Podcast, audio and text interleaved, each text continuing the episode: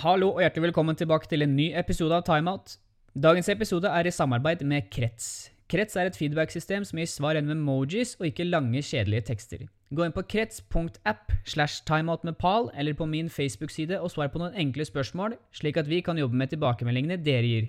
Det er helt anonymt og gjør oss alle bedre. Så, dette er en episode jeg gleder meg til å gi ut. Jeg har vært så heldig å få prate med mangeårig landslagsbauta Alexander Bonsaksen, og for en flyt vi hadde! Vi snakker om hans erfaringer som leder i et lag, gjensidige forventninger og hva som skal til for å ekspandere idretten vi alle brenner for. Dette er spørsmål vi bl.a. skal gå under runden på. Så uten videre introduksjon, la meg få presentere vår neste gjest, Alexander Bondsaksen.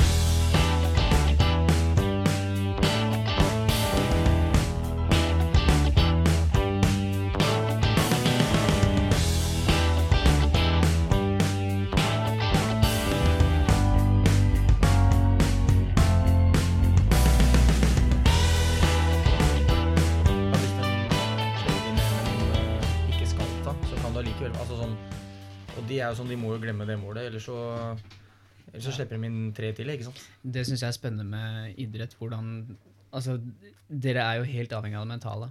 Mm. Men det skal vi ta, da. Du er jo kaptein, så jeg nå. Ja. Og du står jo og sjekker på litt Prospect. Liksom, det er teamwork. Det Mm. var liksom, det var der du scora Ja. høyest. da. Ja. Men det er jo kanskje den beste egenskapen du kan ha.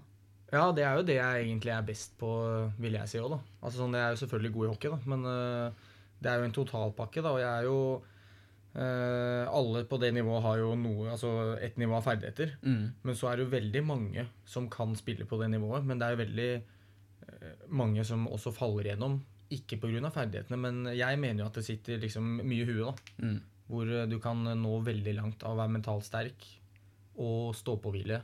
Kontra Jeg har spilt med tusenvis av folk da, som har syke talenter. Men så av en eller annen merkelig grunn så faller de gjennom hver gang. Og med det kan vi jo ønske Alexander Bonsaksen velkommen til studio. Tusen takk. Det var fin intro. Den, eh, den tok du bra. Fantastisk. Hvordan har eh, uka di vært? Eh, Den har vært bra. Ikke gjort så mye. Trent, slappa av og ja, håper på bedre vær, egentlig. Håper på bedre vær, ja. Når den her kommer ut, så er det jo nærmere september. Vi Ja. har noen som skal slippes ut, men ja, absolutt. Mm. Det er Ja. Eh, Men det er jo sånn en toppidrettsutøver lever, er det ikke det? Når det er offseason, det er jo ikke så mye å gjøre heller. Nei, det er ikke det. Det er liksom Hverdagen består av å ja, stå opp og trene, da. Og så nå er jeg heldig og velger selv når jeg begynner treninga, men jeg liker å trene på morgenen, da, sånn at jeg står opp i åttetida, og, så- og så trener jeg fra ti cirka, da. For du snakka litt om vanedyr eh, i stad, før vi begynte. Og absolutt, vi, liksom i forhold til det med koronaen, du nevnte det at eh, vi er vant til å stå opp halv åtte, åtte eller starte på jobb. da, Så er det sånn å herregud, så kjedelig det er. Men når vi først ikke har det, så er det grusomt. Og så er det noe det å nå stå opp til, da. Ja, jeg tror sikkert veldig mange nå av vanlig befolkninga som har en vanlig 8-4-jobb, da. Dem er jo vant til å stå opp hver eneste dag og har eh, forpliktelser, og så plutselig er du permittert, sitter hjemme og har ingenting å gjøre.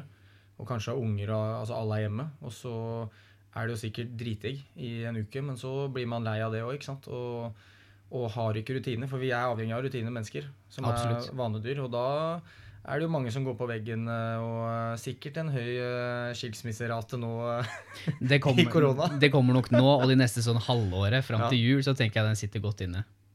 Vi hopper rett på sak. Du har tolv sesonger på landslaget, Mm. hvorav tre OL og avgjør, et avgjørende mål. Ti sesonger i utlandet, utlandet, hvor du har Sverige, Finland, Tyskland. Tre NM-gull, to finsk-gull. Og de to siste sesongene så har du vært assisterende kaptein, og nå er du kaptein for Kokko. Er Uttaler jeg riktig? Ja. Og dere fikk en god femteplass. Mm. Hvordan, eh, hvordan høres det ut? Altså, Den merittlista her, du lever ut guttedrømmen.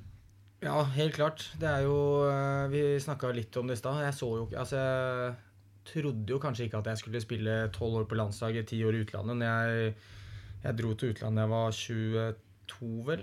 Ehm, og da, det var jo da jeg bestemte meg at enten så blir jeg i Norge, og eh, etter å ha vunnet tre år med Vålinga, og da bestemte jeg meg enten så må jeg komme meg ut, kommer jeg meg ikke ut, så må jeg begynne å studere eller finne meg en jobb. Altså Mm. sånn Eh, men så var jeg heldig da, og fikk, fikk sjansen i utlandet, og, eh, og, eh, og tok den, da.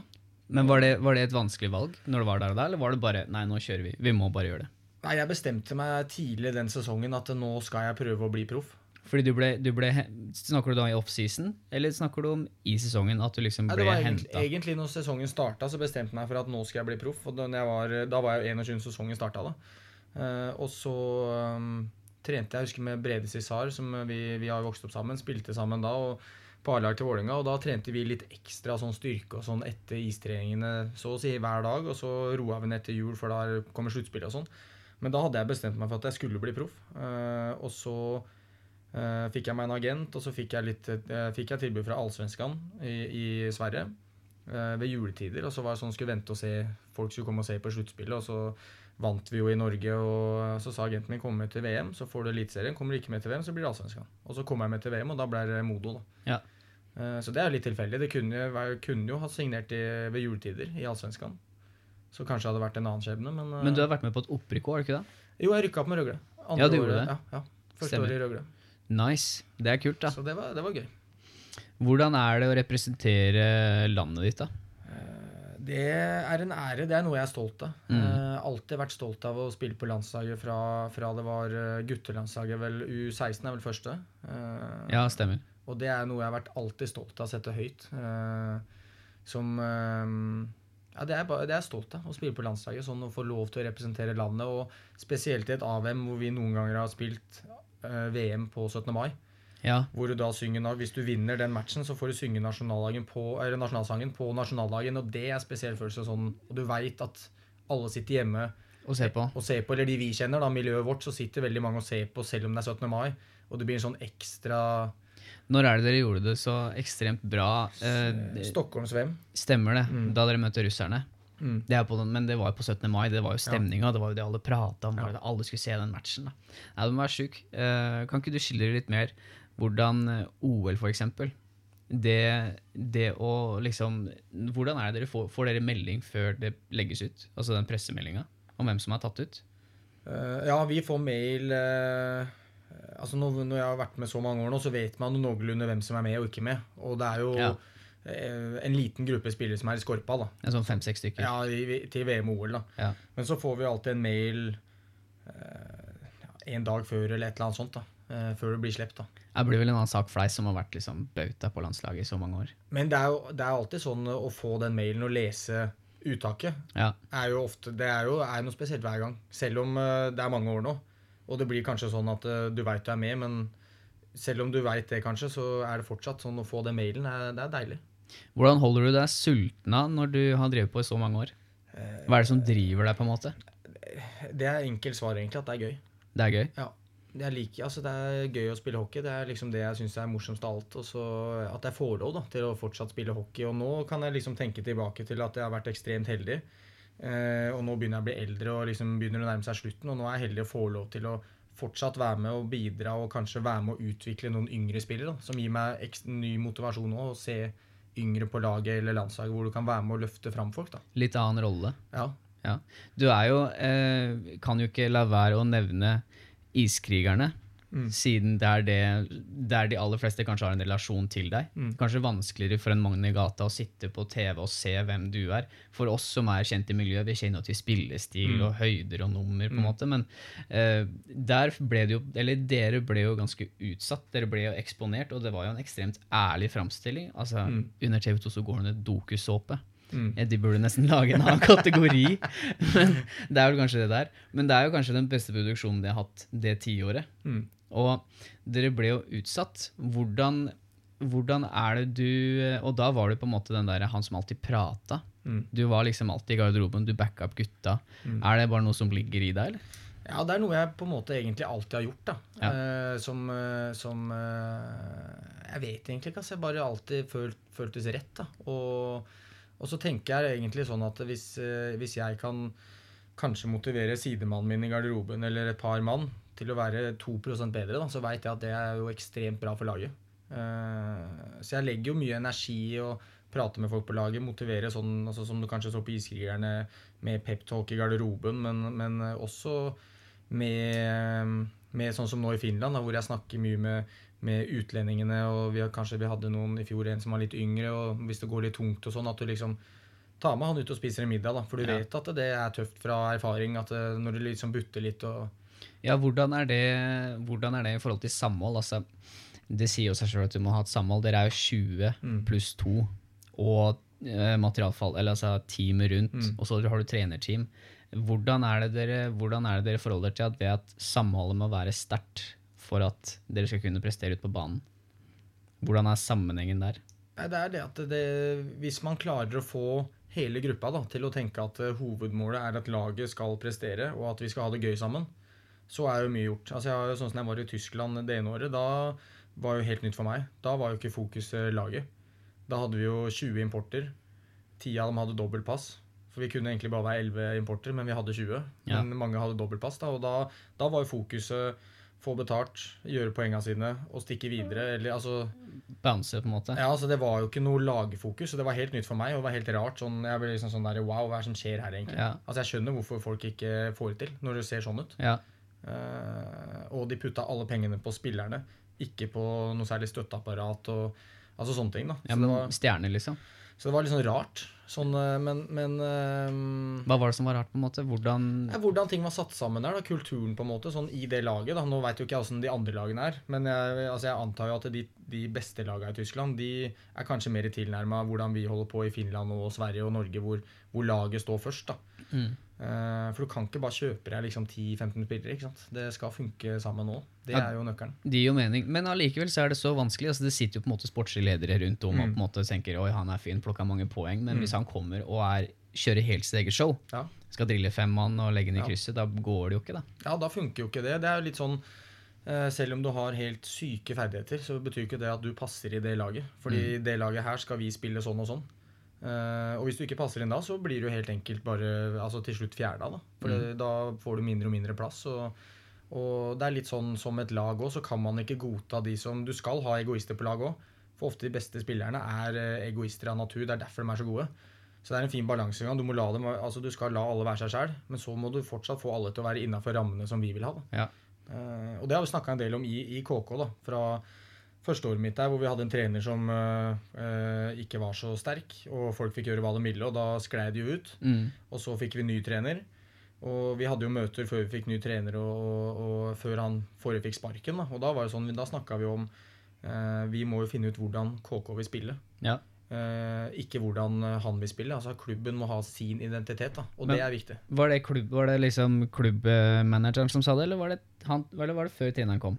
Nei, vi hadde et møte faktisk før eh, han eh, forrige trener fikk sparken. Ja. Så hadde vi et møte med, med kapteinsteamet og, og eh, CEO-en og sportssjefen. da, Hvor vi lufta hva vi syns eh, om treneren, og, og lufta våre tanker da, om hva som burde bli bedre, og hva som kan gjøres. da. Og da sa jeg bl.a. det med at vi må jo ha vår identitet. Mm. Og klubben, selv om vi sparker han nå, vi har ikke mulighet til å gå til sluttspill antageligvis, men vi har mulighet til å vise fansen og ligaen at vi skal spille sånn her. Og Mm. sånn skal vi gjøre det. Ja.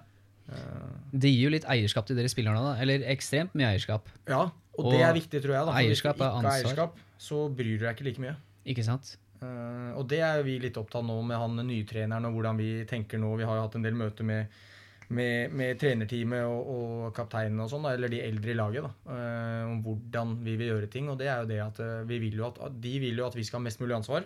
Men så er det jo de, dem som bestemmer. Mm. Hovedtreneren bestemmer jo, og det må jo være helt klart hvem som bestemmer. For ellers så sklir det ut. Ja. De må jo ha liksom klare, klare retningslinjer. Jeg føler litt sånn Litt heldig nå med han treneren, som er veldig sånn øh, Han er mer om mennesket, så han behandler alle forskjellig, men innafor liksom samme røde tråden. Mens eh, det er, litt, det er litt sånn jo høyere nivå det blir, jo mindre øh, forhold Altså, du er ikke noen kompis med treneren. Nei. Du får beskjed om hva du skal gjøre, og du gjør det. Og hvis ikke, så er det liksom Ja, og det er sånn jeg var i Tappara. Da, da hadde vi en trener. Han var ikke kamerat med spillerne.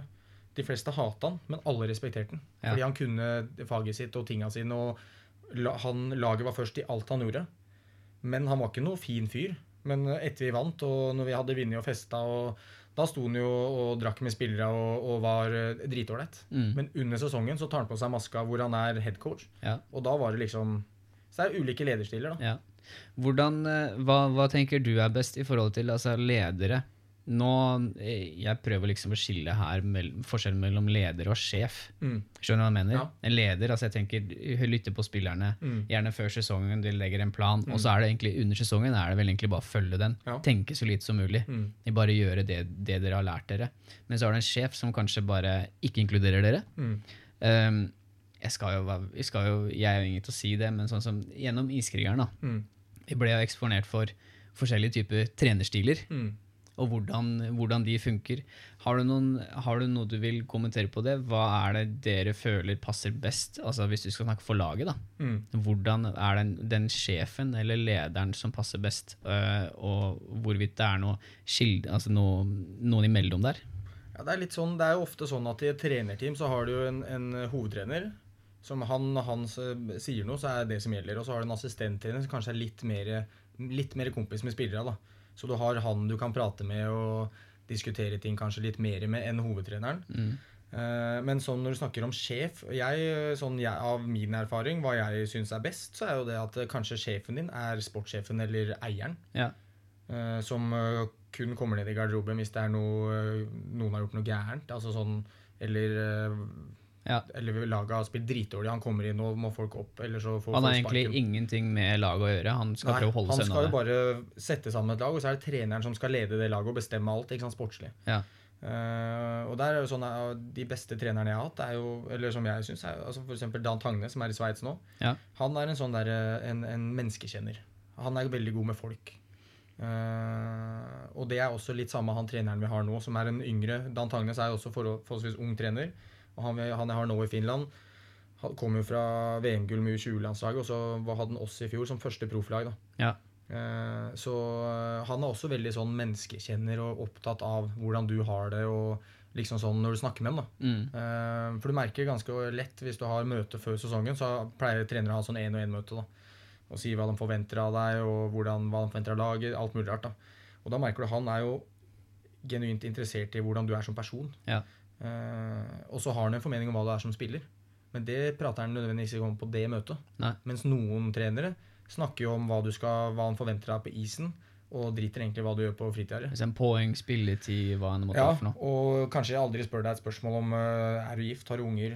Ja. Eh, Har du det bra? Ja, og det er jo litt sånn Jeg tenker nå nyere generasjonene er jo Mulig jeg har feil, men, eller kanskje noen blir forbanna, men de er softere enn de eldre generasjonene.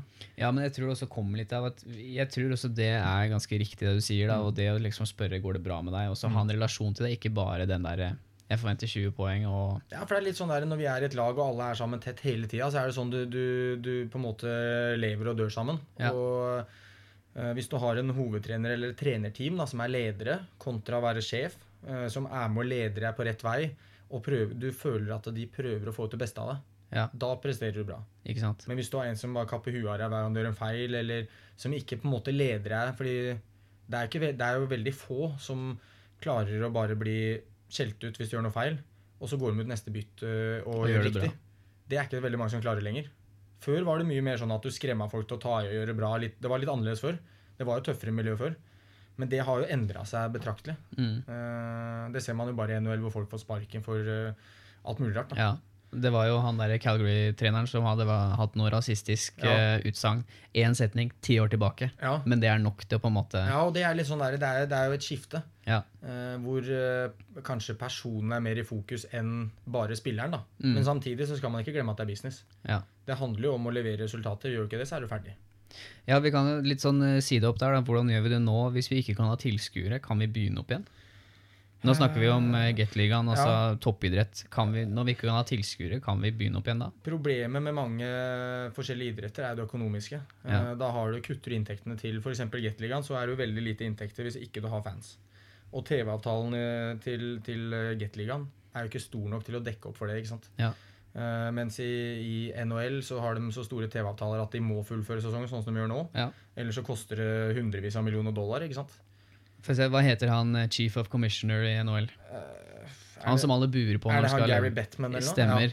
Han, eh, jeg så en sånn eh, press release hvor han satt foran webkamera og bare Ja, fansen dør etter at vi skal begynne opp igjen. Nei, det er du som må betale regningen din. Ja, ja, det er det det handler om. Og det er litt sånn når vi kutta, eh, når vi kutta i Finland, Vi kutta vel siste seriekampen. da. Vi spilte nest siste uten fans, og så spilte vi ikke da siste. Da, da kutta dem. Og da var det jo sånn Uh, Sjefa vår da, eh, var sånn Ja, vi skal spille. Vi får lov å ha 200-300 fans. Da skal vi ta billettpris som kompenserer for at det er 5500. Kommer folk da? Ja, da hadde du jo fått bare de store sponsorene, da. Ja. Ikke sant? Eller rike folk. Men hva gjør du med de andre fansen, da, som er der hver eneste dag? Ja. Som er de som faktisk gjør at det går rundt. Ikke sant? Da hadde du jo pissa på dem, da, så det hadde jo blitt helt feil. Ja. Men de, tenkte, ikke sant? de tenker kroner og øre, da. Og laget vårt, eh, første gang eh, historien skulle i sluttspill, eh, så ganske bra ut. Vi hadde gode sjanser, og da var det sånn helt krise ikke sant? at det ikke ble sluttspill. Og de så bare profit. Vi var jo i null og skulle bare gå pluss Ja. hver eneste match. Så de fikk jo helt panikk, ikke sant. Men hvordan, eh, hvordan, eh, hvordan måtte du kommunisere med spillergruppa i og med at du er kaptein? da? Hvordan skulle du liksom få de til å på en måte, Ja, nå har vi bygd opp moment gjennom hele sesongen, har aldri gjort det så bra Mm. før. Og så er det bare Nei, skjønner jeg at Helstad går først. Men i, jeg tenker, i den bobla dere var i, og dere skulle jo forberede dere, siste seriematch, også sluttspillet. Mm. Hvordan er det du takla det? Det var, altså jeg var, jeg var skada akkurat på slutten av sesongen. Det var det. Eh, Men jeg skulle jo egentlig spille siste seriekampen, sånn at jeg fikk én match før sluttspill. Mm.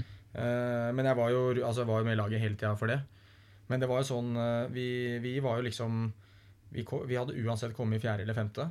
Uavhengig av de to siste seriekampene. Så det var liksom sånn om vi fikk fjerde eller femte, spilte ikke noen rolle. Nei. Eh, litt morsomt er jo at det er jo bedre for klubben å komme på femte, for da kommer du ikke til Champions League, men du får spille uh, den uh, turneringa i Sveits. Eh, Ja, hva heter Davos-? Hva heter den?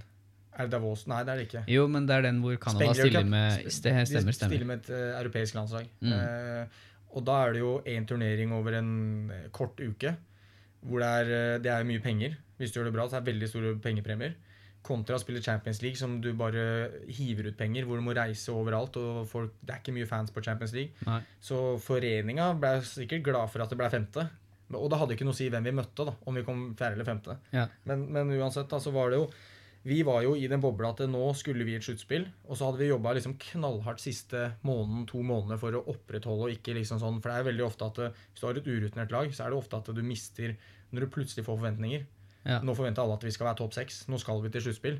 Da er det lett å få en liten knekk, at folk blir litt nervøse for at du plutselig må levere. da. Hvordan håndterer du det i forhold til, at, altså i forhold til press? Ja, Hvis vi skal snakke litt om uh, forberedelser til kamp uh, under, så du kan ta det etterpå, men hvordan takler du press? Hvordan Eller altså, jeg, jeg, jeg på Kanskje ufarliggjør det med at jeg gleder meg til kamp. Altså, vi trener jo mangfoldige timer hele året. Og jeg syns det er kjedelig å trene, men jeg syns det er jævlig gøy å spille kamper. Ja. Og på en istrening syns jeg det er gøy når vi har spilløvelser. Men eh, alle syns det er kjedelig å skate. Det er ikke noe gøy, det. Det er bare slitsomt. Ja, du vil spille, du vil spille kamp. Ja, du vil jo spille, det er det som er gøy. ikke sant? Så, så jeg har på en måte eh, Foran store kamper og sånn òg, så eksempel når, vi har, når jeg har vært i finaler og sånne ting, og da, da ser jeg bare muligheten at vi kan vinne. Vi skal spille for fullsatt arena.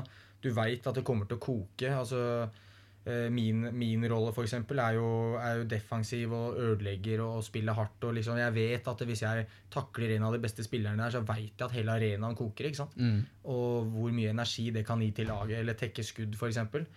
Så det blir sånn jeg finner på en måte sånne knagger som jeg gleder meg til ting.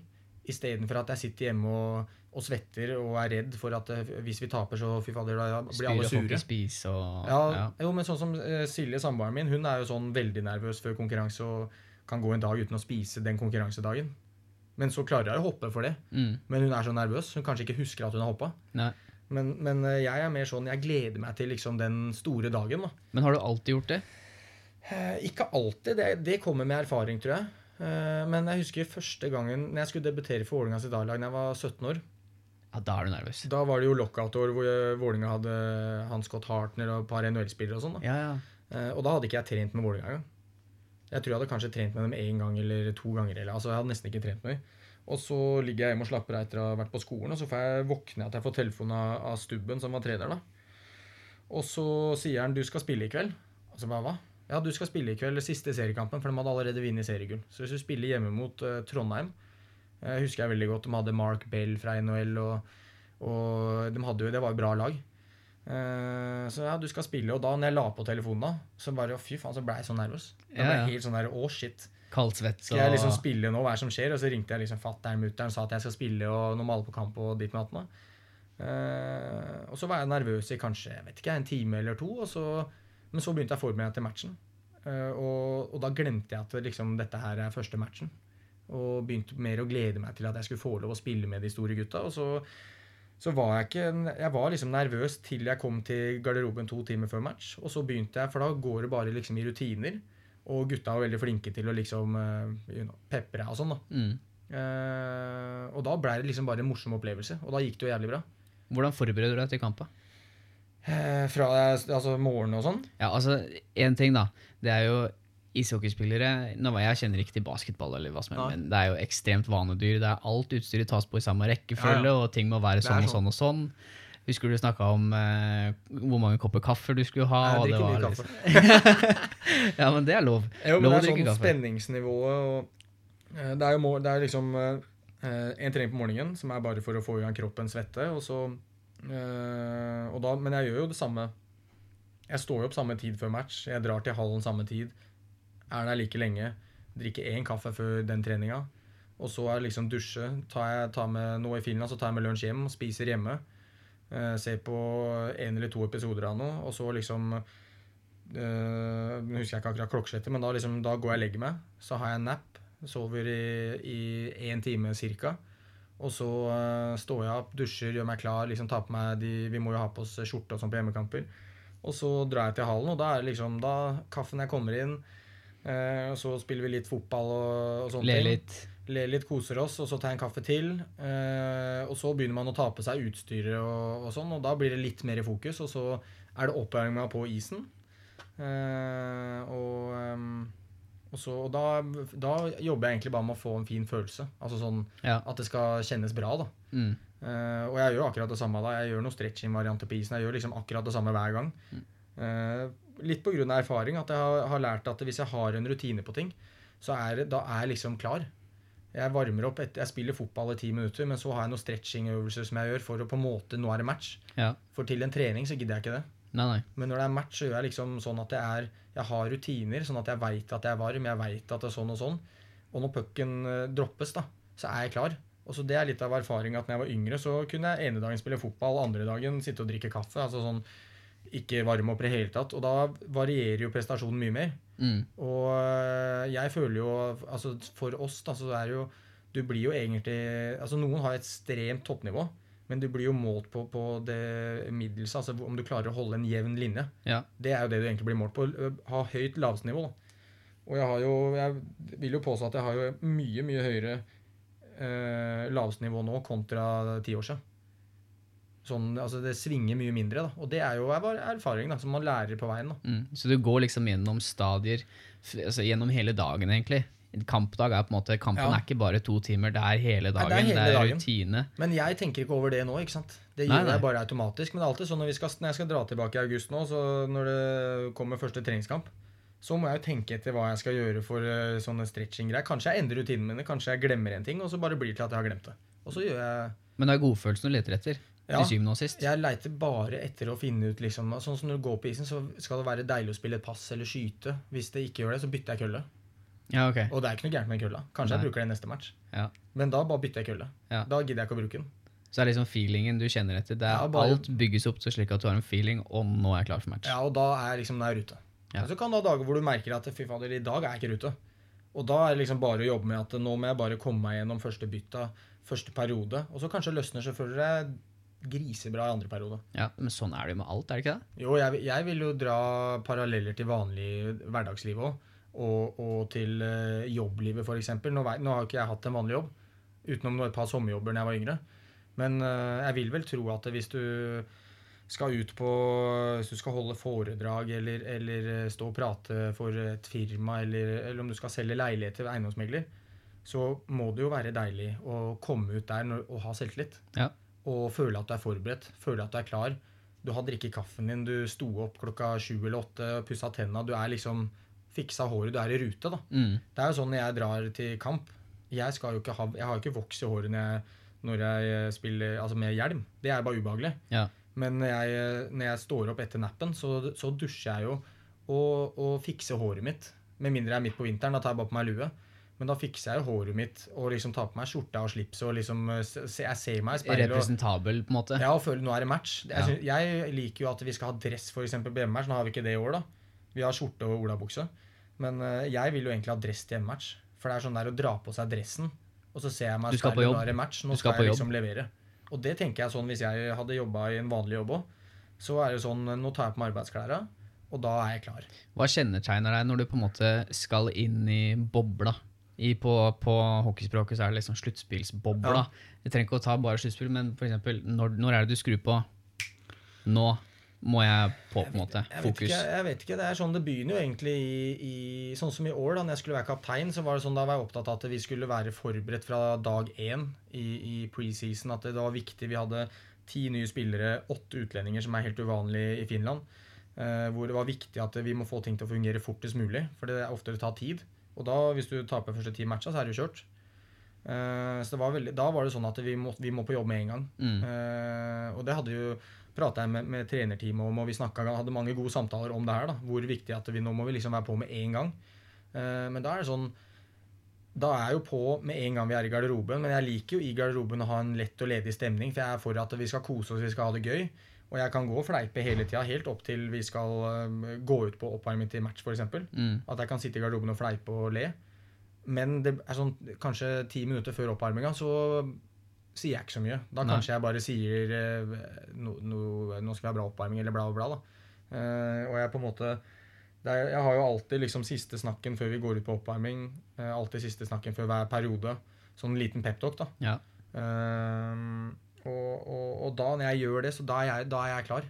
Det er ikke bare fordi at jeg veit at eh, det kanskje er bra for, eh, for laget eller for de andre å, å peppe dem, men det er også for å peppe meg sjæl òg. Ja. Og hvis jeg er, har litt dårlig energi en dag, så kanskje jeg pepper litt ekstra for å vekke meg sjæl. Men du liker å ha ansvar, eller? Ja, jeg syns det er gøy. Og jeg føler, jeg føler jeg blir bedre på isen av å ha mer ansvar sånn i, innad i laget. Da, for eksempel. Mm. Det merka jeg i år. Altså, jeg føler jo Jeg var jo, hadde jo en bedre sesong i år kontra i fjor. Eh, hvor jeg fikk mer, mye mer ansvar. Da. Og det var mye mer eh, Finland er de ganske stolte, og, og det er eh, det er mye respekt sånn blant folk. Eller sånn innad og hierarki. Og, og sånn jeg var kaptein da, så var jo det liksom Nå er du kaptein, nå må du det fikk jeg, jo. Vi hadde sånn liga-kickoff da, som du måtte i Helsinki, alle kapteinene og trenerne før hver sesong. Og mingle og presse og sånne greier. da. Møtte jeg gamletreneren min fra da jeg var i Tappara. Så tar han i hånda så sier jeg 'nice to see you again' og bla, bla. Så han bare 'yes, are you, are you ready?' Så jeg bare 'ja, what do you mean?' 'Yeah, this year you're a captain'. Så jeg bare 'ja, det Ja. Ja, i år skal du lede laget ditt til sluttspill. Er du klar?' Og det var sånn var liksom eneste han sa. Ja, da har ikke jeg sett på flere år. Nei. Og han bare 'Du skal lede laget ditt til sluttspill, er du klar?' Så jeg bare 'Ja, jeg er klar'. Så det, det var sånn det var liksom det med Jeg tenker ikke så mye over at det er stort på en måte å være kaptein, men det var sånn flere av de andre kapteinene som jeg har kjent litt gjennom hockeyen eller spilt mot, og noen jeg har spilt med, Mm. er sånn folk kommer og gratulerer deg og liksom Ja. uh, For det er kanskje ikke så vanlig da å ha en utlending som kaptein i Finland. For den, den, den ligaen har jo kanskje færrest utlendinger. ja. Og det er jo ikke noe tak på utlendingskvote. Så de bare henter egne spillere, på en måte? Ja, de er jo ekstremt flinke til å ta opp junior og utvikle egne spillere. Da. uh, og ha litt stolthet til det. Så bra. Hvordan, hvordan Når ting går dårlig da, på laget Vi kan snakke om laget siden du er kaptein. Um, du, vi vet jo på en måte nå at du tar det veldig enkelt. Du, for, du overkompliserer det ikke så mye. Nei. Ekstremt heldig der, egentlig. Har Ja. du, det, du er veldig heldig der. Altså, med å bare gjøre ting enkelt. Men det stammer kanskje av at du bare skal ha det gøy, egentlig. Ja, jeg tror det. Jeg hadde altså sånn I oppveksten så hadde jeg ekstremt mye lek og moro med hockey og fotball. Vi hadde jo liksom eh, Samme lag spilte fotball om sommeren, så bytta vi til hockey om vinteren. Eh, veldig heldig med generasjonen vår 87-gutta. Vi var jo, altså Det er jo Zuccarello, som alle veit hvordan karrieren hans har gått, og Lars Haugen og altså Det er jo veldig mange som blei proffer. Mm. Og jeg tror det var syv-åtte som blei Gateligaen-spillere. Og det er jo Vi hadde veldig gøy sammen. da Og da lærte vi en kultur sånn Vi hadde også en ek ekstrem kultur på at vi ville vinne. Men det var for at det var, var så gøy. Ja. Og det er på en måte, det har jeg jo tatt med meg hele karrieren. At det, det, her, det skal være gøy, vi skal kose oss, men man skal kunne si fra. For jeg er jo sånn at Noen kan jo tro at jeg bare kødder og fleiper så når du ser meg le på isen og sånn. Men eh, jeg sier jo ifra når man skal si ifra. Ja. Eh, men, men det er sånn når det går dårlig da, så si at hvis vi taper tre, fire Så det var jo som vi snakka om i år med laget vårt, da, med mye nye og yngre. Vi Og, og dere som lag, dere måtte vel eh, Dere, dere, var, ny, dere var ikke nyopprykka, men dere hadde rykka på året før, var det Nei, det? de er, det er femte år i ligaen, men okay. de er helt ferske. da, sånn, De Ja. har liksom aldri på en måte, KK har ikke hatt sin egen identitet. Har ikke noe historie si. på en måte, Nei, i toppen. Og, og har ikke vist dem noen ting. Mens nå signa vi en del folk. Nå, nå, er, nå må de gå til i hvert fall play-in topp ti. Ja. Og vi var jo klare på at hvis ikke vi er topp ti, så er det skandale. Ja. Følte vi, da, som gruppe. Eh, og da var vi sånn eh, vi, vi, vi, Det er jo bra å snakke om ting for å ufarliggjøre hvis det skjer. Og da var vi sånn, vi snakka jo om at eh, vi kommer til å tape to matcher på rad. Kanskje tre, kanskje fire. Hva gjør vi da? For det er jo sånn For det er det som er viktig. Du snakka om, om det høye båndnivået. Ja. Altså din, din prestasjon gjennom. Det er Mm. greit å ha på en måte Du, du kan vinne 6-7, men hvis du taper resten, så er det på en måte Ja. det å ha høyest mulig båndnivå. Ja, og det, det er sånn det ene året vi, vi vant med Tappara, f.eks. Det var en ekstrem sesong. Vi tapte aldri to matcher på rad før vi hadde vunnet serien. Og det har jeg aldri vært med på før. Men, men, eh, men da var det jo Tapte vi én match, så hadde vi jo krisemøte og video en time. Når vi kom Ja. hjem eh, ett på natta. Så det var jo, sånn, det var jo ekstremt, da. Ja, ja. Men sånn, sånn, eh, sånn som vi hadde nå, da, hvor det er en del yngre, uerfarne folk, da, så er det jo viktig å snakke fordi det er jo tøft mentalt. Taper du fire matcher på rad, da er det ofte at det bytter fokus på at da blir du mer redd for å tape enn enn, eh, enn at du vil vinne. Ja. Og da er det sånn får du én i ræva, så, så taper du. Hvis du slipper inn første målet, så taper du. Ofte. Det er Mm. så mye mentalt. Du kan være klart best i første periode, men skårer ikke, og så slipper du inn i andre, og så er du ferdig.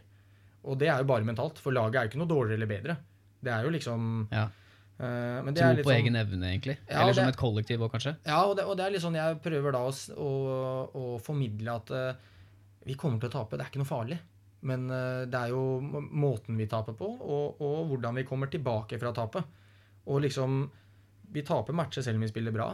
Da er det bare å hoppe på hesten en dag etter. Mm. Og noen ganger så er vi jo drit dårlige. Da kanskje det var greit å få rensa ut og liksom se på video, og så har vi ting å jobbe med. Og liksom da må vi, da må vi fikse problemet, da. Istedenfor å bare skyve det unna. For det er jo ofte man bare flytter problemet, og, så, og da kommer du ikke ut av den, eh, den sirkelen. Eh, eller kanskje f.eks. skylde på Nei, det var dommeren, det var han, det var det. Det er jo sånn eh, Ja, men det, det kommer du ikke noe videre med. Det er bare å skyve unna ansvar, på en måte. Ja, og, det, og da blir det bare verre. En år vi vant uh, i, i Tappara, for å ta det, da, det var jo uh, Vi slo Helsinki i finalen. Vi kom på tredjeplass i serien. De var 20 poeng foran oss i serien. Og de hadde sinnssykt lag. Og vi vant hjemmematchene våre 1-0 eller 2-1 på overtid. Og så tapte vi 4-0 på bortebane. Ja. Og dem hadde hjemmebanefordel. Og så hadde vi én borte... var eh, femte finalen, så, eh, så var det en situasjon hvor en på laget vårt tryna i vantet slo huet og liksom eh, fikk på en måte hjernerystelse. Og sleit med å komme seg inn i boksen. Og så var det en som hoppa ut på en bekk. Og da er vi egentlig en mann for mye. Ja. Og så kom han seg liksom Han lå jo og krabba på isen. Og så fikk vi pucken, spilte en på frilegget, skårer. Men det ble avbrutt? Det Nei, ble, det blei ble, ble mål, for dommeren Da hadde vi dratt inn han i boksen igjen. Ja. Og så begynner de å klage, ikke sant? og det ble jo game win. Den matchen vant vi. Ja. 2-1 på grunn av det. Og det var jo eh, en dommerskandale. Altså sånn, det skulle jo ikke skjedd. Nei. Men det skjedde jo. Og da, eh, da spilte vi en eh, dagen etter. Og Helsinki, treneren deres etter kampen, eneste han prata om hvor, hvor katastrofe dette her var, dommerfeil, bla, bla, bla, sånn og sånn. Kommer vi dagen etterpå, da er det en ny matchdag, og da er det jo ekstremt viktig å bare bla om. ja. For du, du, har ikke tid, du har ikke tid til å bruke energi på hva som har vært. Du må bare liksom rett inn i, i neste, og det er det jeg syns er veldig gøy med sluttspill. Men uh, han fokuserte den morgenen på intervjuet før match. Dommeren, skandale, ditten og datten, sånn, sånn. Eneste han har fokus på. Hvor mye vant dere? Og da vant vi den eh, 4-1 eller eh, den Ja. matchen. Og da visste vi altså jeg, Da merka vi nå vinner vi. Mm. Nå har vi vunnet, for dem er mentalt uh, fucka. Men hvordan, hvordan merker du det? Jeg kjenner sånn følelse i kroppen, på en måte, sånn du merker at eh, sånn når du ser liksom det før og fokuset deres er feil, og så når vi begynner matchen, så merker du at i dag er vi, nå er vi på, nå, nå, nå skal vi vinne, nå skal vi ta det. Mm. Og da merker du liksom du bare vokser, og da det, det er jo den følelsen kanskje jeg jager mest, eh, eller hele livet nesten, sånn hvor du har den følelsen at nå veit jeg vinner. Godfølelsen, Jeg liksom. veit at jeg vinner. Det er bare kjenner at jeg kan ikke gå gærent, selv om det kanskje er uavgjort eller leder med ett mål. Så bare merker du at nå vinner vi. Men hvordan, hvordan, hvordan sprer du det, da? Eh, Hva tenker du på da? Nei, altså Snakker du med gutta bare 'hallo, det her har vi', de henger ikke med i det hele tatt? Ja, da er liksom sånn, Det er sånn feilpasninger ja, overalt. Dette her har vi, se, det, vi nå, nå tar vi, gutta. Bare hold fokus. Nå gjør Vi bare, vi, vi trenger ikke gjøre noen ting mer enn det som er jobben vår. Nå kommer vi til å vinne. Liksom Du merker sånn Og Og så merker du i, i hockey hvor det er fysisk, du kan liksom taklinger, alle sånne ting, så merker du at du vinner flere og flere dueller når folk blir mentalt svakere i en sånn, i en sånn best av syv-serie. da. Ja. Så er det veldig ofte det mentale som, som bikker over hvem som vinner eller ikke. Eller en keeper, for eksempel, som er helt insane. Ja. Men, men det er også, da mister jo de trua på å score. Ja. Hvor du mister da åpent mål, f.eks. Når du egentlig burde bare dytta den inn. Det, som er, ja, det som er spennende med, med idrett, er jo det mentale. Mm. Fordi det er jo Så å si alle har ca. samme fysiske forutsetninger. Mm. Men allikevel så kan et lag være så mye dårligere enn et annet lag. Mm. Bare pga. kjemi eller samhold eller Mm. troen på egen evne til Ja. å prestere. Hvordan, eh, Sånn i garderoben, da, når det går dårlig, bare ta det en sånn kort. Uh, dere har sluppet inn to enkle mål, dere har et hatt moment. Hvordan, eller ikke moment, vi tar et eksempel uten moment Ja. nå. Du kjenner at bare det er helt ræva. Mm. Håndleddene dine sitter ikke, du har ikke fart på beina. Mm. Dere er treige. Hvordan er det dere på en måte snur, hvordan klarer du som ansvar for laget, da, Mm. i forhold til det hva han Tappara-treneren sa? Mm. Du er kaptein, hva gjør du? Mm. Hvordan er det du klarer å snu det? Det er litt sånn forskjellig fra situasjon til situasjon. Hvis det er sånn at vi er dårlige fordi vi er late, eller sluntrer, altså at vi ikke gjør jobben vår, eller er vi dårlige fordi i dag er, vi tunge i beina, som du sier. Eh, vi har en dårlig, vi er liksom, I dag er vi ikke helt i rute, men folk prøver. Men du merker jo veldig fort hvis det er noen som, som liksom jukser litt her, jukser litt der, og tror, kanskje mot et dårligere, anta dårligere lag, at du merker at folk jukser litt, for de tror det skal bli lett seier. Og det er sånn som kan snike seg inn ubevisst. Mm. Uh, og, og da er det sånn hvis, det er, eh, hvis, hvis jeg føler at vi prøver, men at det går liksom dritt Kanskje man har hatt en dårlig match dagen før eller to dager før. Da kanskje jeg mer prøver å motivere og liksom peppe gutta til å gjøre en bedre jobb. og liksom komme, Kom igjen. Det, her, det er liksom to mål. Vi har Ja. 100 ganger før tatt inn to mål. Vi kan skåre lett, altså vi kan skåre to mål i neste periode, eller vi skårer ett mål, så tar vi ett i siste periode. Hvor du liksom bygger opp og, og, og, og ufarliggjør det at du ligger under med mange mål. da. Mm. Og liksom, nå må vi Men så, hvis du vrir på det Hvis, det, hvis jeg føler at eh, det, vi er dårlige fordi vi er late, da må man kanskje bare kjøre en, bare kjø, altså en ordentlig bøtte. da. Ja. Og liksom, hva er det vi holder på med? Det her er flaut. Nå er det 5000 som er å se på. Det, vi, vi blir ledd av som vi ser ut nå. Ja. Nå må vi ta skjær i nakken. Men vi har mulighet. For jeg føler det er man, Hvis jeg har sånn skyllebøtte, så prøver jeg alltid på en måte å avslutte eh, Ikke positivt, kanskje, men noe sånn litt motiverende. Istedenfor å bare avslutte med at uh, du er ræva, du er ræva, du er ræva. Ja. Men noen ganger må man jo ta folk i nakken og liksom si hva, er, hva holder du på med? Nå går det bare dasser. Du jukser. Det, det, du respekterer ikke lagkameratene dine nå. Nå må du liksom skjerpe deg. Ja. Og det er litt sånn Det er jo ikke alltid like lett å ta den rollen. For hvis jeg har en dårlig dag på jobb, da, si at jeg har hatt et feilpass og dem har scora, så veit jo jeg hvordan et lag fungerer. Det er jo et par mann, når jeg begynner da å prate, som bare tenker fy faen, kan ikke han bare holde kjeft, han ga jo bort det målet. Ja. Sånn, det er naturlig som mennesker. Mm. Men det er på en måte må jo, det må jeg bare blokke ut når jeg skal være en leder da, og er kaptein og skal på en måte lede laget. Så er det jo min oppgave da, å, å gjøre det. Og, og så trener også da, Trenerne kommer jo ofte inn og er sure, og det er jo kanskje oftere at de har skyllebøtte enn vi. Ja. Eh, Men noen ganger så må man egentlig bare liksom Du må få klask i baken, egentlig. Hvordan er det du, sånn som eh, de yngre gutta, da, eller hvis du ser at noen på en måte Mm. har vært dårlig over en lengre periode, hvor Mm. du ser de ikke er til stede, Mm. liksom, hvordan, hvordan tar du tak i de? Ja, det er sånn, jeg hadde en, en, Han ene svensken som han spiller hos, øh, hos oss fortsatt, men første året hans hadde han en tøff sesong. Han hadde veldig bra start første ti matcha. Eh, gjorde mye poeng, og så begynte det å gå litt nedover, og så gikk det nedover, og så, så var han litt dårlig defensivt, og så begynte treneren å være på han, og liksom han fikk mindre istid. Og så blei han Han var sånn veldig eh, han, han, gra, han gravde seg mer og mer ned, da. Og jeg var naboen min, så vi gikk til og fra hallen hver dag. Ja. Og da prøvde jeg sånn å liksom snakke med ham at faen, slapp av, det ordner seg. Du må bare gjøre sånn og sånn, jobb litt med det. Eh, fortsett. Du må bare For det er jo ni, altså sånn Hvis jeg, hvis jeg eksempel er inne i en dårlig periode, så føler jeg at nå Ok, nå har jeg gjort sånn og sånn dårlig. Nå må jeg skjerpe meg. Kanskje jeg går og kjører en ekstra økt til gymmen, eller bare sånn Nå trener jeg hardere. Tar jeg med på treninga. Prøver å ha ekstra fokus for å komme meg ut av dritten. Eh, men det er jo mange som på en måte bare ikke gir opp, men bare graver seg ned mer og mer. Ja. Og han er litt sånn type som graver seg ned og blir negativ og begynner ofte å peke på folk. da Og sier at treneren er helt idiot. Han kan ingenting. Han ber meg gjøre sånn, sånn, sånn. Og så hadde jeg en samtale med og noen ganger så er ikke det like lett heller. For det ikke, de, kan, de blir jo sure på deg òg. Ja. Liksom, da jeg måtte jo si til henne liksom, ja, du, du må jo ta ansvar defensivt. Treneren er misfornøyd med defensivet. Jo, men jeg er ikke det. Jeg er ikke dårlig. Jeg er signa for offensiv. Så jeg, jo, men alle må gjøre begge deler. Du kan Mm. ikke bare være offensiv. Da må du score hver eneste match. da. Og det er det ingen som gjør. Nei. Så, så du må gjøre det, og så blir, liksom, blir den litt muggen, og så du, men så må du prøve å motivere og bygge den opp igjen. da. Fordi det er jo sånn Jeg føler i hvert fall det hvis vi har en spiller som får sparken for eksempel, fordi det har gått dårlig, så er jo det Det er ikke bare han som har feila. Vi som lagkompiser også har jo feila for å på en måte ikke hjelpe inn heller, men noen kan du ikke hjelpe. Nei. Men samme med trenere òg, når de får sparken. Så når han fikk sparken første året mitt, han treneren, da, i KK, da øh, var jo vi en del av den prosessen med å sparke inn, kanskje, for det var det beste for laget. Men vi snakka jo om på det møtet og i garderoben at øh, vi må ikke glemme at vi har feila, vi òg. Fordi det er vi som spiller matcha. Og selv om han kanskje ikke gjør de rette tinga og forberedelsene hans er dårlige, og ditt og datten, så har jo vi gjort en dårlig jobb. For vi har tapt eh, alle de matcha. Mm. Så vi må ikke glemme det. at Vi kan ikke bare liksom skylde på alle andre, da, som er veldig lett når det går dårlig. Men det, det er sånn hvis du når du har enkeltindivider på et lag som Noen er helt happy, noen har en dårlig periode, så er liksom det å prøve å hjelpe de Hvis, du, hvis jeg klarer å hjelpe han som har det litt dårlig den uka, da, og peppe han litt til å, til å komme tilbake til normalen, så er det veldig bra for laget. Og du har jo aldri 30 mann som er fornøyd hele tida. Det skjer jo ikke. Men det er jo å finne det Finne likhet med høyest mulig båndnivå. Ja. Det å i hvert fall finne slik at alle kan trives noenlunde, da. Ja, og det, og det, er, det er litt med det å la alle være seg selv innafor rammene vi har, da. Uh, og, og vi hadde jo en i, i fjor, så hadde vi en Han hadde jo veldig bra toppnivå. Fikk prøve seg litt på finske landslaget. Og, uh, men han var sånn hvis han fikk kjeft av treneren, f.eks. Så gravde han seg ned, så var han jo dritdårlig. Da var han sånn, da gadd han ikke å bry seg en uke. Han Ja. Dritdårlig en uke. Langsint. Ja, Og det er jo jævlig slitsomt å forholde seg til. Mm. Og så prøver man liksom å, å kødde litt med en fleipe litt med en, få han tilbake til sitt humør og sånn. For han er sånn når han er, når han er blid, så er han dritgod. Ja. Er han sur, så er han dritdårlig. Og så må du liksom prøve å få han til å bare ligge og flyte der. Og det er jo no, det er mye tilfeldigheter. Noen ganger så har du stangen, noen ganger ikke.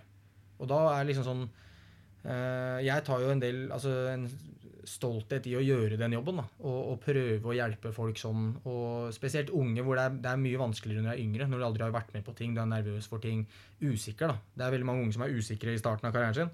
Og da er det jo ganske ålreit å ha noen som prater litt med deg og, og, og prøver å hjelpe deg liksom, med det mentale. Da. For jeg, jeg tror jo at øh, hockey og idrett generelt er øh, 90-10 er kanskje å ta i, men jeg tror øh, det er veldig mye mentalt. Jeg, Ja. Men gi hvem som helst en eh, fotball 11 meter foran et mål Mm. med folk på tribuna, og de skyter langt over. ja, Beckham. Altså VM. Ja, Brenner han over. Han, hvis han er på trening, så setter han sikkert 100 av 100 i krysset. Altså sånn, ja, ja. og det er jo det mentale. Hvis du da plutselig får shaken, så går det ikke. Men er ikke det spennende? Er ikke det litt sånn spenningsmoment i selve idretten? Og jeg tenker ishockey, jeg har sagt det flere ganger nå, ishockey er den kuleste idretten i verden. Mm. Det er ikke et sted hvor du får like mye tempo og intensitet som du gjør på en hockeybane. Men det at vi har sånne hvor det mentale spiller så ekstremt mye inn, da. Mm. Sånn som for oss, jeg kan ikke, kan ikke forholde meg til at altså, forskjellen på Tappara Kokko og Mm. femtedivisjon, det er ikke sammenlignbart, men jeg er også kaptein, ikke sant? Mm. Men, så det er jo, men det er jo et ekstremt spenningsmoment. Eh, Da kommer vi til eh, noen problemstillinger vi har. Mm. Det er hva skal til for at hockeysporten kan vokse i Norge? Og da snakker vi rekruttering, Mm. vi snakker eh, TV-avtaler, vi snakker Mm. toppidrett eh, for å få flere eldre til å spille. Mm. Hvor, hvis vi har 20 år på oss, da, Ja. hva må vi gjøre? Uff, det er vanskelig spørsmål. Det, er stort spørsmål. Er, det er mange som har prøvd å finne ut av.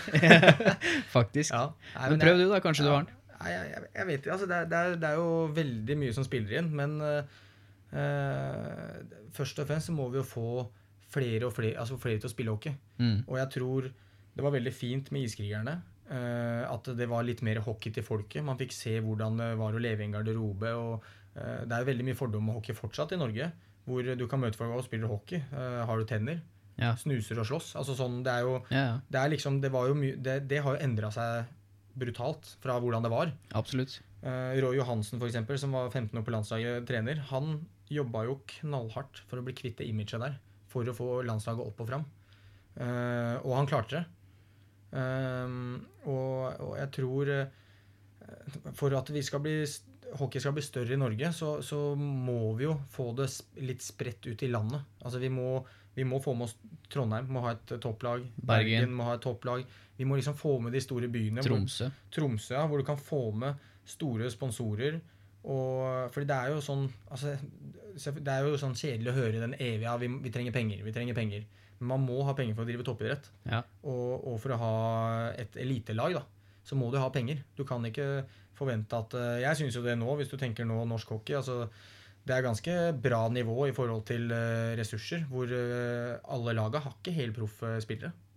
Noen, eh, Det er veldig mange på lag i Gateligaen, toppligaen i Norge, som jobber ved siden av hockey, f.eks. Mm. Uh, Gryners jobber vel alle. Jeg, jeg tror det gjelder for ekstremt mange klubber. Det gjelder jo selv altså tenk Storhamar, Stavanger, Ja. Frisk, eh, Vålerenga. Det er vel, Har jeg glemt noen nå, uten å fornærme noen andre lag? Nei, Sånn cirka. Ja, og, og, og, og Sparta og Stjernen og altså de, de Selvfølgelig utlendingene folk henter, de kommer hit og jobber ikke. da. Nei. Men eh, de fleste norske jobber eller studerer ved siden av. Mm. Fordi det er ikke, du er ikke liksom helproff. Og derfor så synes jeg det, det er jo Derfor så holder jo norsk hockey et høyt nivå i forhold til eh, forutsetningene. Men, eh, men det er jo ikke noe tvil om at vi trenger mer penger inn i idretten. Vi trenger mer profiler. Altså Vi må få at barn og unge har lyst. Og så er hockey er dyr sport. Mm.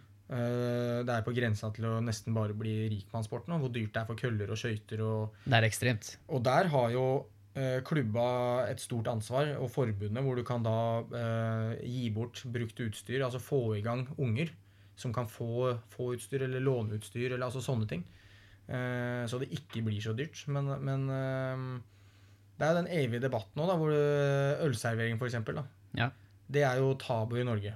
Idrett og alkohol hører ikke sammen. Eh, selvfølgelig, idrettsutøvere skal jo ikke drikke. Ingen drikker på jobb. Det er ikke lov å drikke hvis du kjører trikken eller hvis du sitter i advokat. Altså, Du kan ikke drikke på jobb.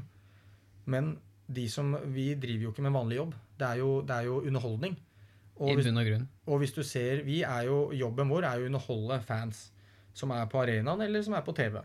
Og, og hvis du går ellers i samfunnet, da. Underholdning, teater, operaen, eh, kino, eh, standup. Alle har ølservering. Eller, eller vin. eller altså sånn hvis du drar på restaurant, hvis det er et innslag av en artist som synger, du sitter og drikker, altså, eller du velger. Og, og vi må jo komme oss dit hvor, hvor det er lov.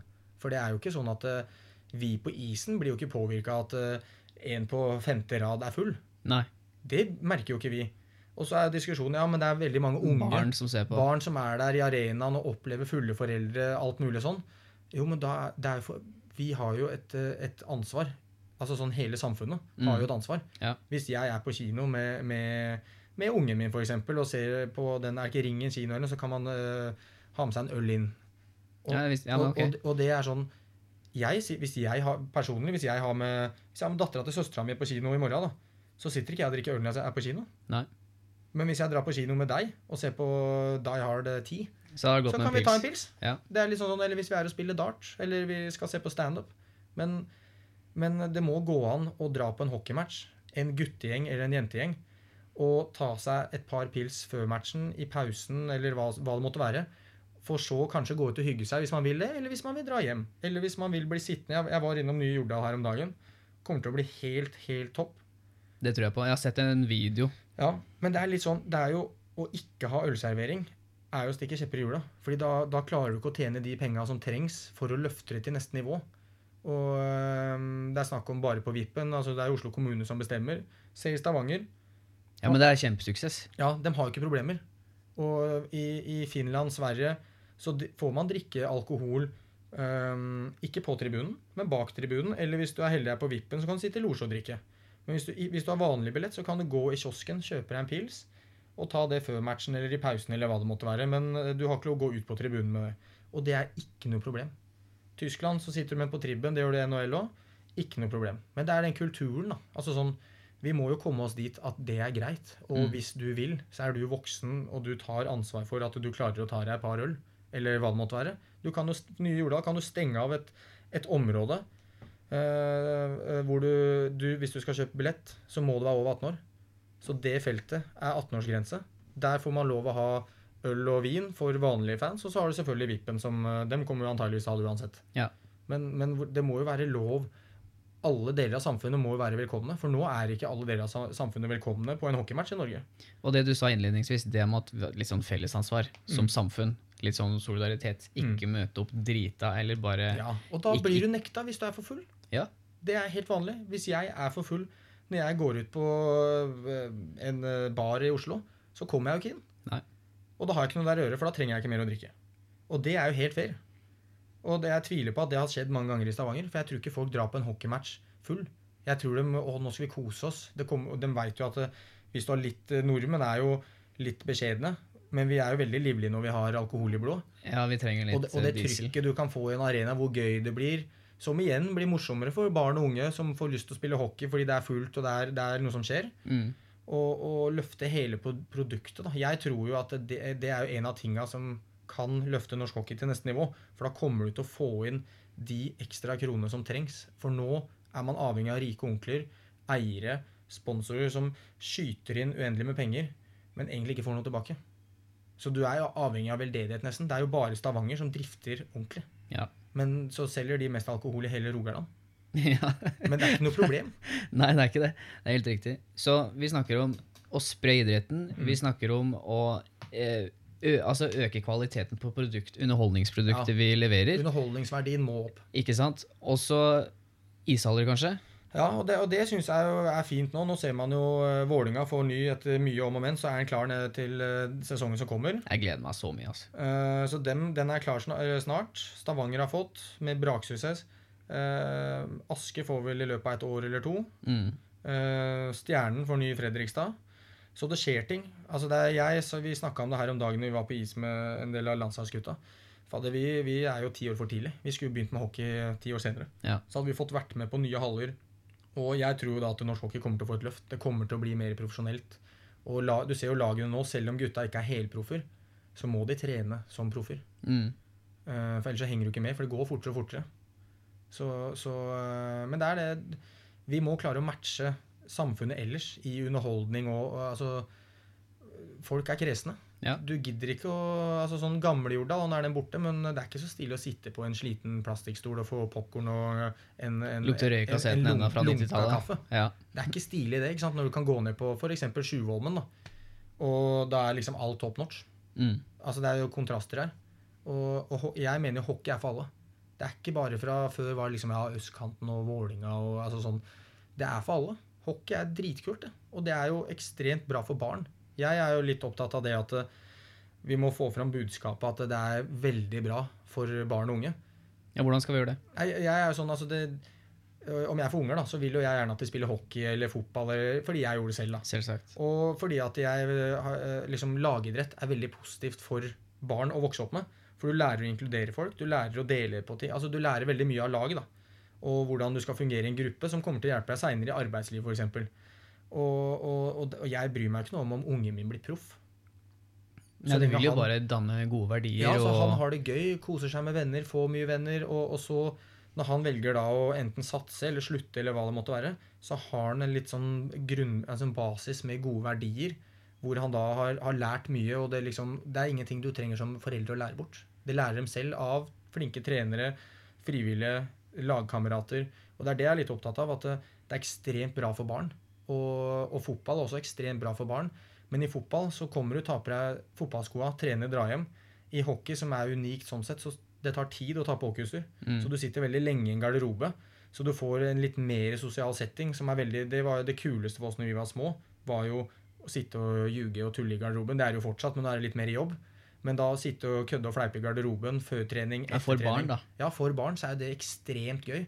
Å få lov å dra på treningsturer eller turneringer, de her bussturene hvor du Det er jo det, når jeg ser tilbake, altså det er jo det som eh, gjorde at jeg på en måte forelska meg i hockey. Var jo de lagturene og det, og det sosiale. Og det er det jeg har lyst til at eh, folk må få en litt bedre forståelse av. At eh, hockey er ikke bare å takle og slåss og, eller skåre mål og, og spille for fulle tribuner.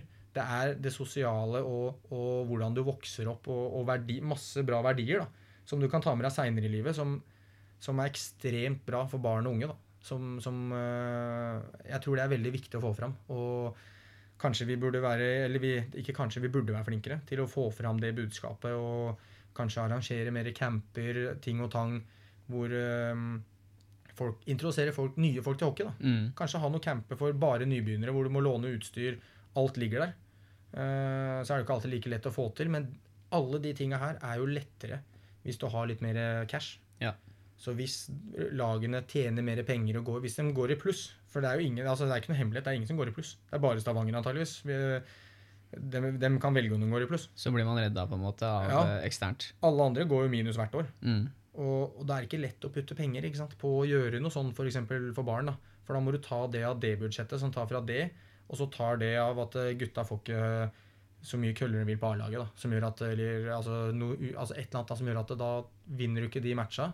Og alle, alle lagene i Norge er jo avhengig av et A-lag for rekruttering. av Ja, ja, ja. når jeg vokste opp, så ville jeg jo bli A-lagsspiller. Det var drømmen min. Og, så derfor så er det litt sånn feil nå. Det er ikke eliten. Vi må satse på bredden, men du må ha eliten. Ja, Det er jo en sammenheng, da. Ja, Og altså, har, du, har du en bred bredde, så har du større sannsynlighet for å få en egen topp. mm. Og har du på en måte en ekstremt god topp, sånn som f.eks. den bølgen Storhamar har hatt da, de siste Ja. årene, med rekruttering De, Ja. har jo ikke, de, må si nei til folk, ikke sant? Ja. Men det er jo et enkelttilfelle. Men måten de Det går begge veier. Det er Ja, to ja. toegga sverd der. Ja. Og så har du det med ikke sant, om du skal servere alkohol eller ikke, Mm. og så måte den, den underholdningsverdien, da. Men Ja. Stavanger fikk ny hall, ble best i Norge. Sinnssyk rekruttering. Har flere isflater. Det er bare stappa fullt hver dag ikke sant? med unger. Fordi at det er kult i Stavanger å bli hockeyspiller. Og Derfor så er det veldig viktig at eh, vi, må, vi trenger eliten. Det er jo mye, mange politikere man hører vi må ha bredde, vi må ha bredde. Selvfølgelig, men du må ha hele pakka. Mm. Det er det som er vanskelig, å, å, å lage den pakka. Ja. Men, men, øh, så, øh, men jeg tror budskapet er jo at det barn og unge får veldig bra verdier og en fin oppvekst av å være i et sånt type miljø. Da.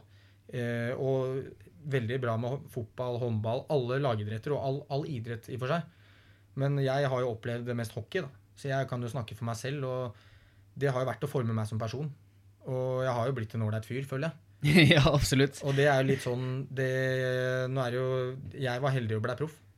Men eh, jeg hadde jo vært en ålreit fyr selv om jeg ikke ble proff. Mm. Og det hadde, jeg tror det hadde hjulpet meg senere i livet, da, med utdanning, arbeidsliv, hvor jeg har de verdiene å jobbe sammen og få til ting sammen. Da. Ekstremt bra svar.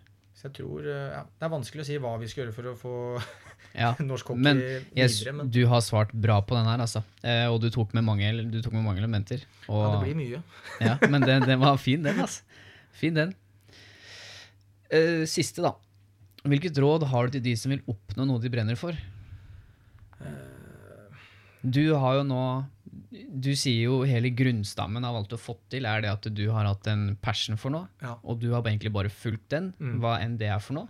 Du kommer sikkert til å gjøre det senere i livet òg, på en Mm. eller annen måte. Ja, det håper, jeg håper jeg finner en neste passion. da. Når det Ja. kommer til det at jeg må legge opp, så håper jeg at jeg finner en ting jeg virkelig vil gjøre. Så Ja, men du kan jeg prate. Ender opp med å sitte og jobbe med en jobb jeg ikke liker, f.eks.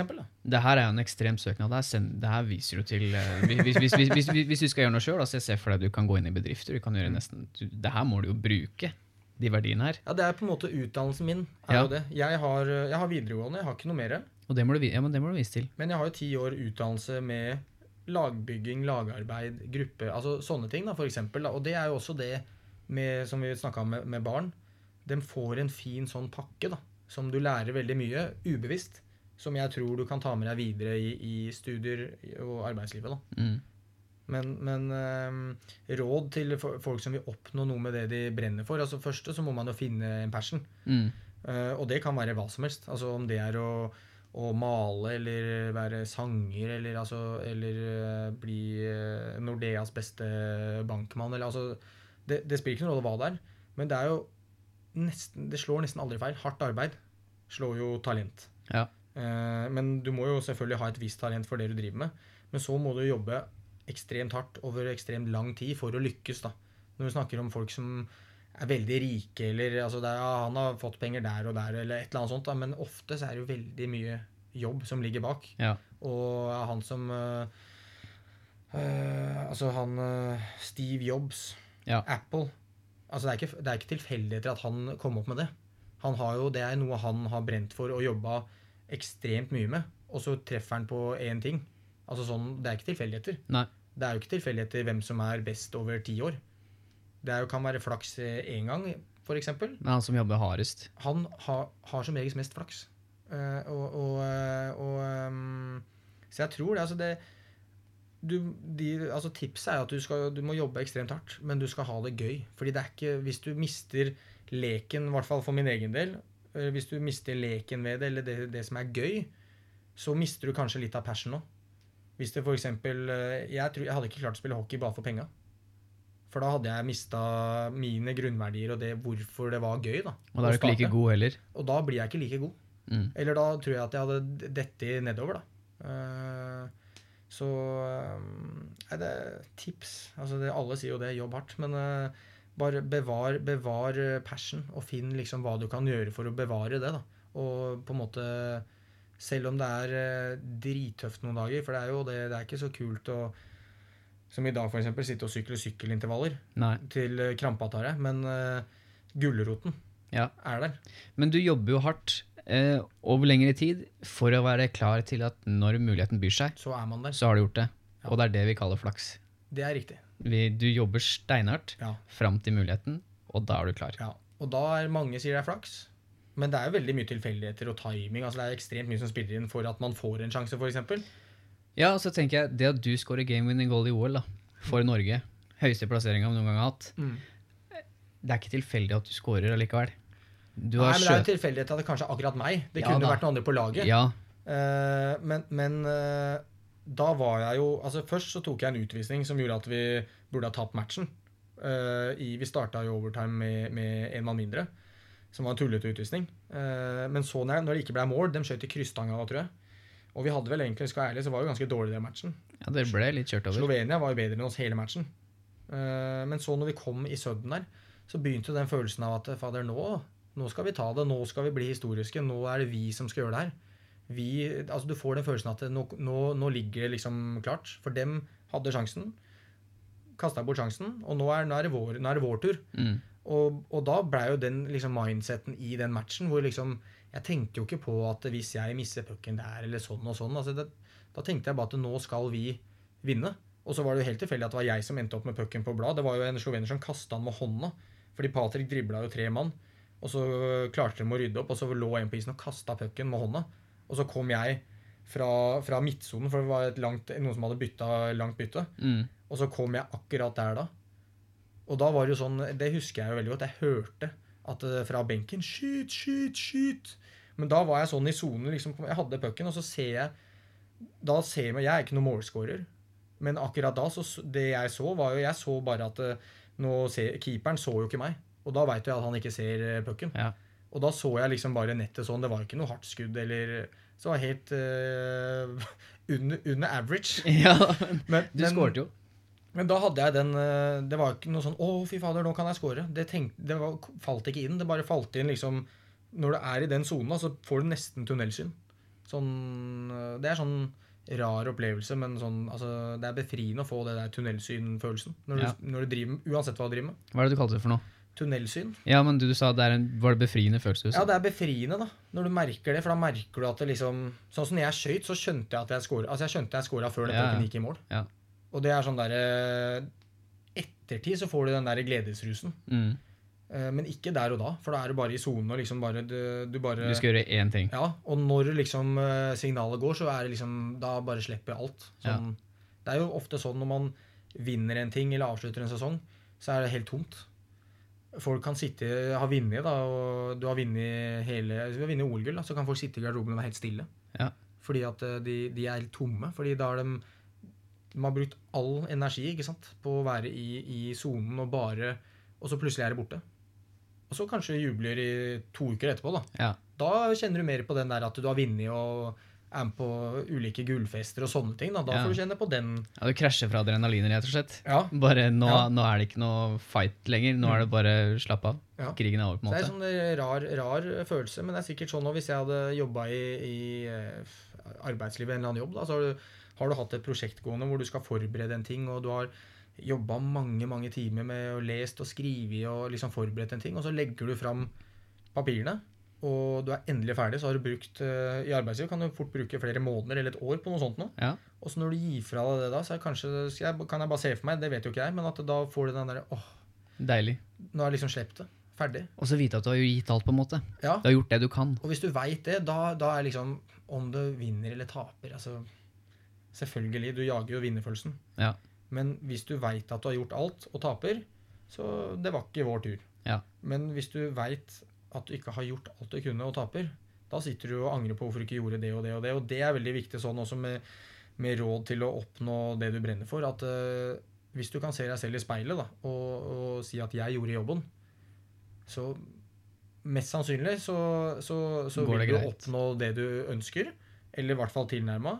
Men hvis det går dårlig, så angrer du ikke på noe. Fordi jeg er litt opptatt av det at uh, du skal ikke angre på noe sånn. Så skal ikke angre på noe du har gjort. Det, det er ikke noe poeng, liksom. Så eh, ja. Nå har vi prata godt om lenge. ja.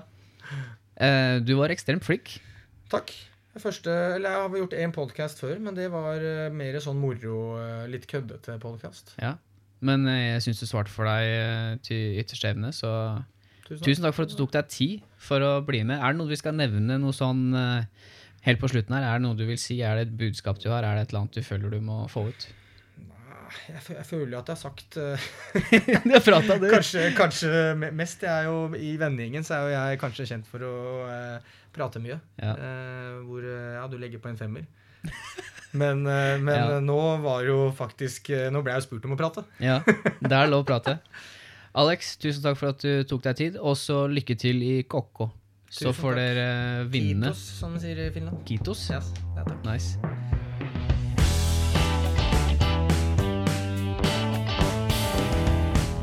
Tusen takk for at du tok deg tid til å høre på episoden. Det setter jeg stor pris på. Og takk til Alexander som stilte opp. Husk å gi oss en eh, vurdering på krets.app slash timeoutmepal. Gå inn på min hjemmeside på Facebook og finn den enkelt, eller skrull opp på telefonen din i iTunes, gi oss noen stjerner og en tilbakemelding på hva vi kan gjøre bedre. Så med det ønsker jeg dere en riktig god dag videre, og så ses vi i neste episode. Ha det bra!